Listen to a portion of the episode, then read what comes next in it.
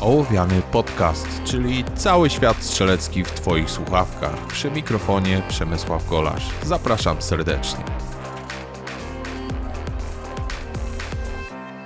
Cześć, witam Was wszystkich bardzo serdecznie w 18 odcinku ołowianego, odcinku jak najbardziej poważnym, pomimo że mamy dzisiaj 1 kwietnia. Jednak zanim zaczniemy poważne tematy, muszę się wytłumaczyć z pewnej rzeczy, a mianowicie takiego małego chochlika, którego dokonałem na swoim Facebooku, gdzie wkleiłem zdjęcie z komentarzem, że właśnie zakupiłem swojego grota.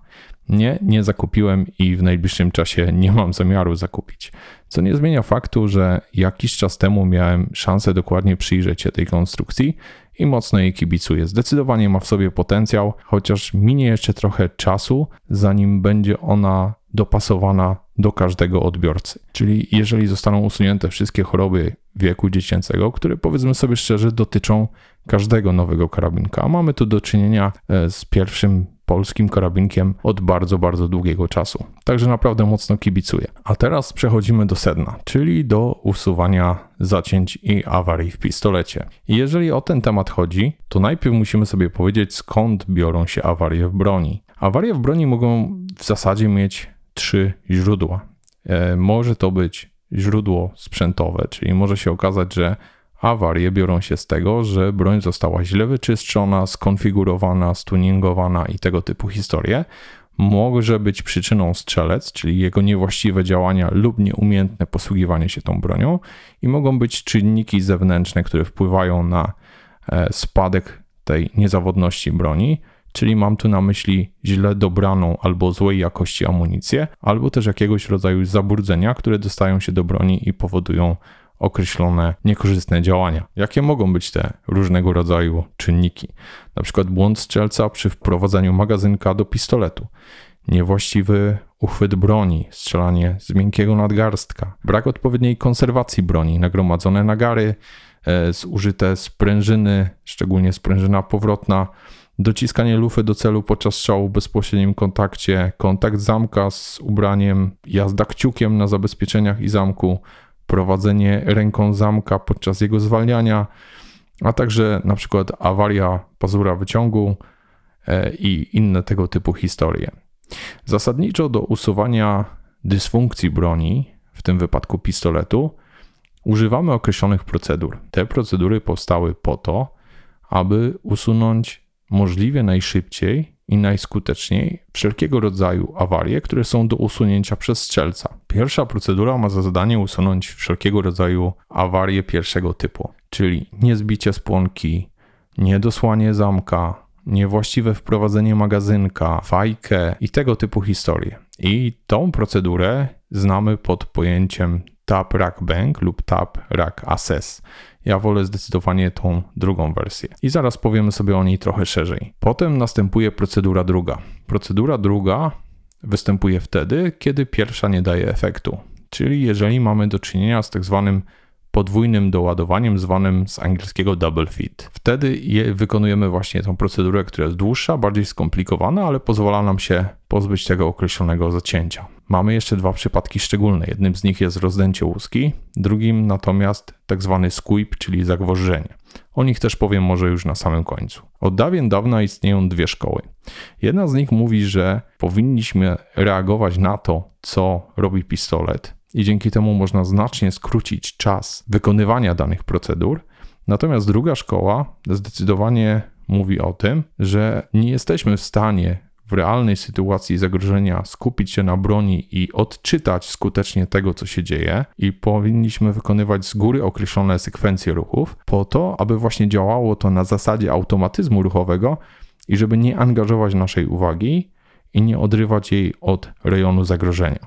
Ja jestem zwolennikiem właśnie tej drugiej filozofii, czyli wykonywania stałych określonych procedur. Procedura Tabrak Bank, czy też Tabrak Assess, mówi o dwóch ruchach, które wykonujemy, aby przywrócić broń do działania. Czyli dobijamy magazynek w rękojeści i przeładowujemy broń, odciągając i zwalniając zamek. Tabrak Bank od Tabrak Assess różni się tym ostatnim elementem, ponieważ nazwa Tabrak Bank mówi nam, że powinniśmy bezpośrednio po tych dwóch czynnościach oddać kolejny strzał. Ja jestem zwolennikiem procedury Tabrak Assess z tego względu, że nie zawsze jest to konieczne. Może się okazać, że po usunięciu awarii nie będzie już konieczne strzelanie, więc nie jestem zwolennikiem tego, aby programować strzelca, że za każdym razem, kiedy usunie awarię, musi pociągnąć za język spustowy.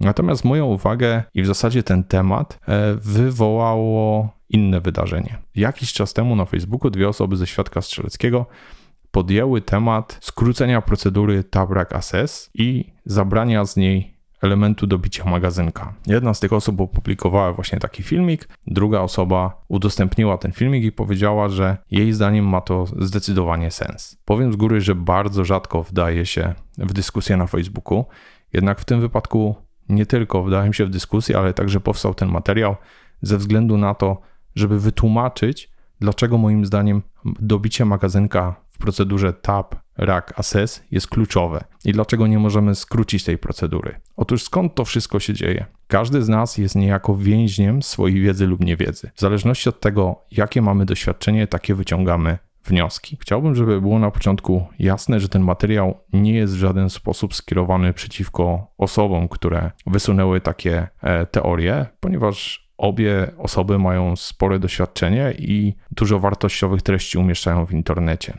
Natomiast chcę jedynie naprostować kwestię właśnie uproszczenia procedury TAP, RAK, ASES. Obie osoby, które wysunęły ten argument, strzelają z Glocków. Glocki są dość charakterystycznymi pistoletami, jednak jeżeli popatrzymy na broń krótką znacznie szerzej, okaże się, że znaczna część pistoletów jest trochę inna konstrukcyjnie i przez to mogą wystąpić awarie, które w zasadzie nie zdarzają się w Glockach. Mam tu na myśli dwie rzeczy. Po pierwsze, kwestie częściowo kontra w pełni wspartej komory nabojowej i kąta wprowadzenia naboju do tej komory, czyli ułożenia w ślizgu nabojowego. W zależności od tych dwóch elementów może lub nie może powstać zacięcie tego typu, że nabój nie zostanie w pełni wprowadzony do komory. Jeżeli ten kąt wprowadzenia naboju do komory jest większy i mamy do czynienia z w pełni wspartą łuską w komorze, czyli ta komora ma bardziej konstrukcję zamkniętą, nie ma tego w 100% pozytywnego kąta wprowadzenia naboju kosztem tego, aby można było strzelać z mocniejszej amunicji. Szczególnie ma to miejsce w wypadku pistoletów sportowych, ale nie tylko, bo niektóre bojowe także mają tego typu konstrukcje. Może dojść w tym wypadku do sytuacji, że nabój nie zostanie w pełni wprowadzony do komory. Utknie tak mniej więcej w połowie drogi, zawiesi się w kącie 45 stopni. Jeżeli teraz tylko przeładowalibyśmy taki pistolet, to w zasadzie zamiast usunięcia awarii wprowadzimy sobie poważniejszą awarię. Zazwyczaj jest to double fit. Natomiast jeżeli wprowadzimy pełną procedurę tabrak assess, czyli dobijemy na początku e, magazynek w gnieździe, w większości wypadków, w 90 ponad procentach, ten nabój zostanie wprowadzony do komory. Dlaczego tak się dzieje i dlaczego nieskuteczne jest samo przeładowanie? Samo przeładowanie jest nieskuteczne, ponieważ w tym momencie nabój jest dopiero częściowo wprowadzony do komory, natomiast nie jest jeszcze uchwycony przez pazur wyciągu. I jeżeli teraz pociągniemy za zamek, to nic się nie wydarzy, poza tym, że ten nabój może nam odskoczyć do góry, dalej mając swoją przednią część w komorze, a kolejny nabój będzie w tym momencie dosyłany do komory i zrobimy sobie z małego zacięcia duże zacięcie, czyli podwójne doładowanie double feeda. To jest jedna ze szczególnych sytuacji. Kolejną sytuacją jest niewłaściwe wprowadzenie magazynka. I tutaj po raz kolejny ktoś wytoczy argument, że jeżeli właściwie załaduje swoją broń przed pracą, przed zadaniem, właściwie coś takiego nie powinno mieć miejsca. Ale odnieśmy się tutaj na przykład do sportu, czyli strzelań dynamicznych, gdzie między innymi podano argument, że ta procedura właśnie może być skrócona, bo nie ma zagrożenia życia i zdrowia. W większości wypadków właśnie w strzelectwie dynamicznym Zdarzają się tego typu sytuacje, że przy szybkiej wymianie magazynka, która w IPSC jest główną wymianą magazynka, którą, z którą mamy do czynienia, niedokładnie wprowadzimy magazynek. I jeżeli przeładujemy jedynie pistolet, nie wprowadzimy naboju do komory.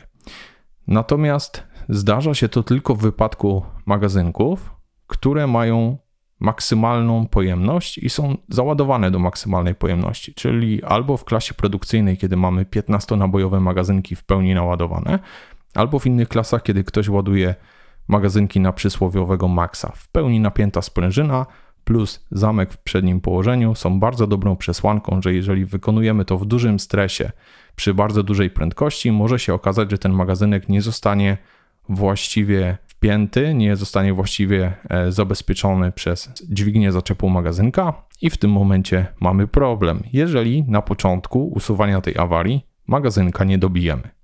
Jeżeli mówimy o czynnikach zewnętrznych, wystarczy, że przeoramy się trochę z tą bronią, e, trafimy w jakiś piasek, błoto lub cokolwiek.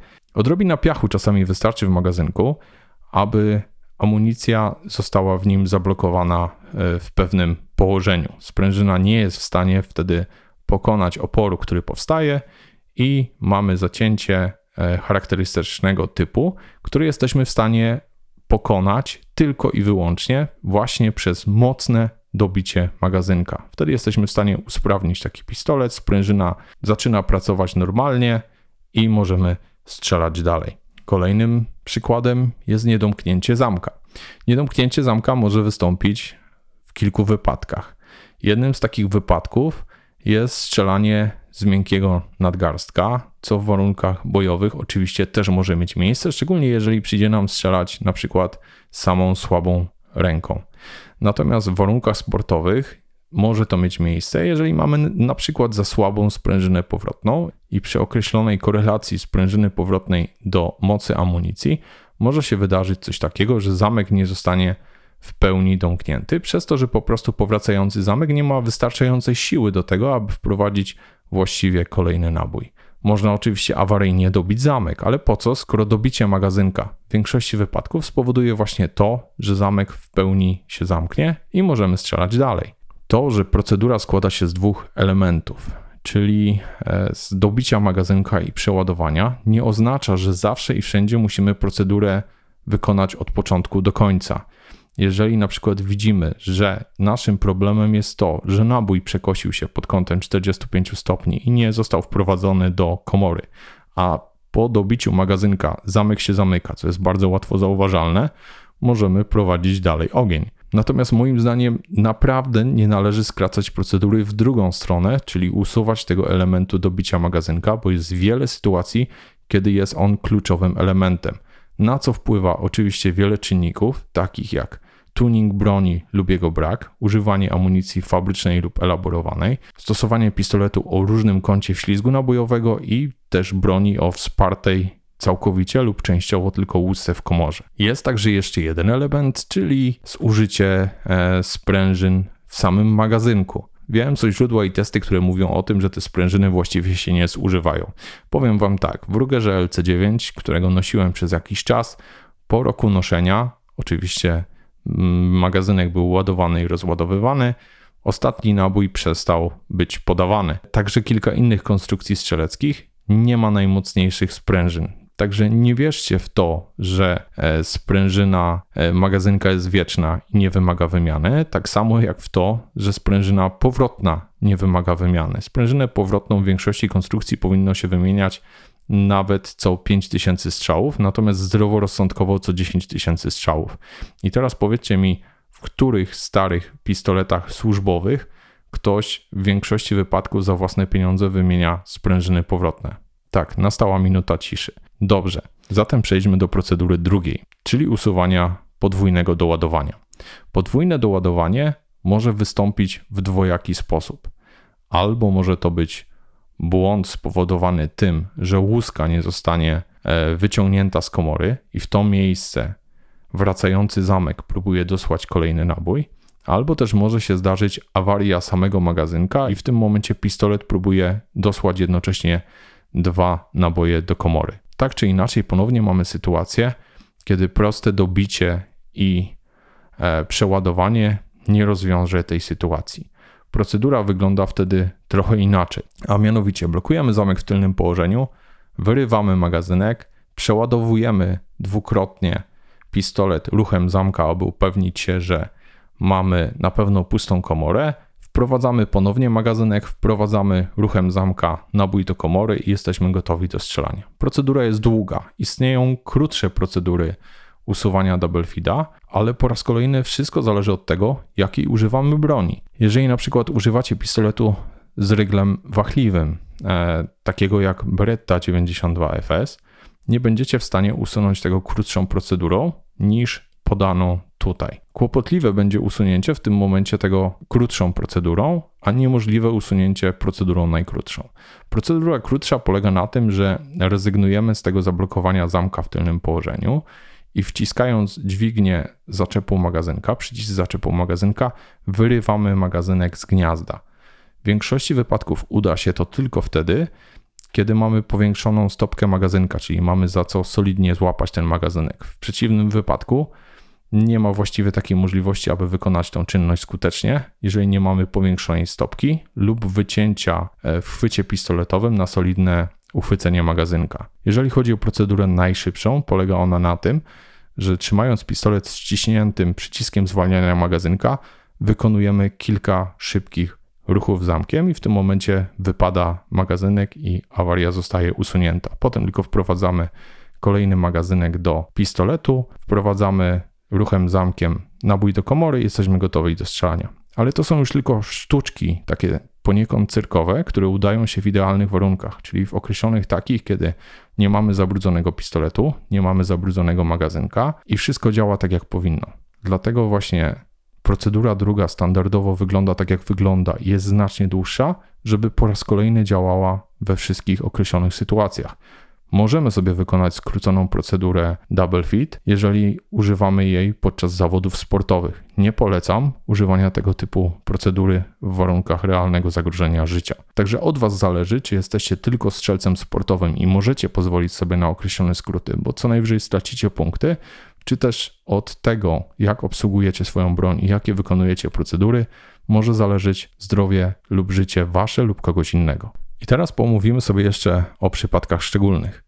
Jednym z przypadków szczególnych jest sytuacja, kiedy w komorze znajduje się rozdęta lub pęknięta łuska. W tym momencie ruch zamka sam w sobie nie ma wystarczającej siły, aby tą łuskę wydobyć. Pazur wyciągu albo ześlizguje się z takiej łuski, jeżeli jest mocno zabrudzony, albo jak w większości przypadków po prostu zamek zostaje zamknięty i nie możemy z normalną siłą przeładować zamka, aby wydobyć łuskę z komory.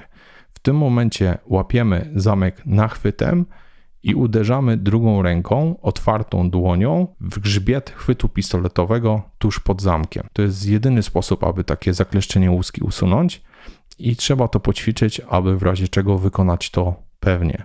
Wystarczy pozbierać ze strzelnicy łuski 9 mm, sformatowane lekko ponad e, rozmiar swojego pistoletu, ponieważ każdy pistolet formatuje łuskę po strzale pod swoją komorę. Niektóre komory są ciaśniejsze, niektóre luźniejsze i na pewno znajdziecie takie łuski, które właśnie będą się w ten sposób przycinać w waszej komorze i możecie sobie tego typu zacięcia poćwiczyć. I ostatnim wreszcie przypadkiem szczególnym jest squeak, czyli zagwożdżenie. To jest już przypadek, który niestety nie umożliwia nam usunięcia beznarzędziowo tego typu zacięcia. I wspominam o nim tylko dlatego, że jest bardzo niebezpieczny dla strzelca. Zdarza się to zazwyczaj wtedy, kiedy mamy do czynienia z amunicją elaborowaną, ale także w wypadku amunicji fabrycznej niektórych producentów, szczególnie tych gorszych jakościowo, zdarza się w wypadku błędu maszyny, że nie zostanie nasypany ładunek prochowy do łuski lub też zostanie nasypany niewystarczający ładunek prochowy. W tym momencie, kiedy zadziała amunicja, pada strzał, pocisk, który przedostaje się przez lufę, ma niewystarczającą energię, aby tą lufę opuścić. Jeżeli mówimy tutaj o naboju, który nie ma w sobie ładunku prochowego, tylko spłonkę, to w zasadzie ta energia jest na tyle niewielka, że na nasze szczęście kolejny nabój nie zostanie zareglowany w tej komorze, ponieważ pocisk jest niejako tylko wtłoczony w pierwszą część, w ten stożek przejściowy pomiędzy komorą nabojową a lufą. I jeżeli nie próbujemy tego typu awarii usunąć przez przeładowanie i potem dobicie jeszcze zamka, bo widzimy, że zamek zostaje nie w pełni zareglowany, to jesteśmy w stanie taką awarię rozpoznać i zagrożenie zminimalizować. Natomiast jeżeli mamy w naboju pewien ładunek prochowy, jednak niewystarczający do tego, aby pocisk opuścił lufę, w tym momencie może wydarzyć się coś znacznie gorszego, co jest charakterystyczne. W obydwu przypadkach nie ma właściwie ruchu zamka lub jest bardzo słaby ruch zamka, niewystarczający do tego, aby wprowadzić kolejny nabój do komory. Strzelec w większości wypadków wyczuje coś takiego, ale żeby to wyczuć i wiedzieć, czy mamy do czynienia, musi się to kiedyś zdarzyć. E, zwróćcie na to szczególną uwagę, jeżeli elaborujecie własną amunicję lub macie amunicję elaborowaną od kogoś innego, że jeżeli macie taki naprawdę lekki strzał, który właściwie nie porusza zamkiem, lepiej jest rozładować pistolet, sprawdzić, czy przewód lufy jest drożny i dopiero wrócić do strzelania, nawet jeżeli miałoby to kosztować wyzerowanie danego toru, niż ryzykować tym, że przy zagwożdżonej lufie wprowadzicie kolejny nabój do komory, zostanie on e, zaryglowany, oddacie strzał i zniszczycie pistolet i być może narazicie się na poważny uszczerbek na zdrowiu.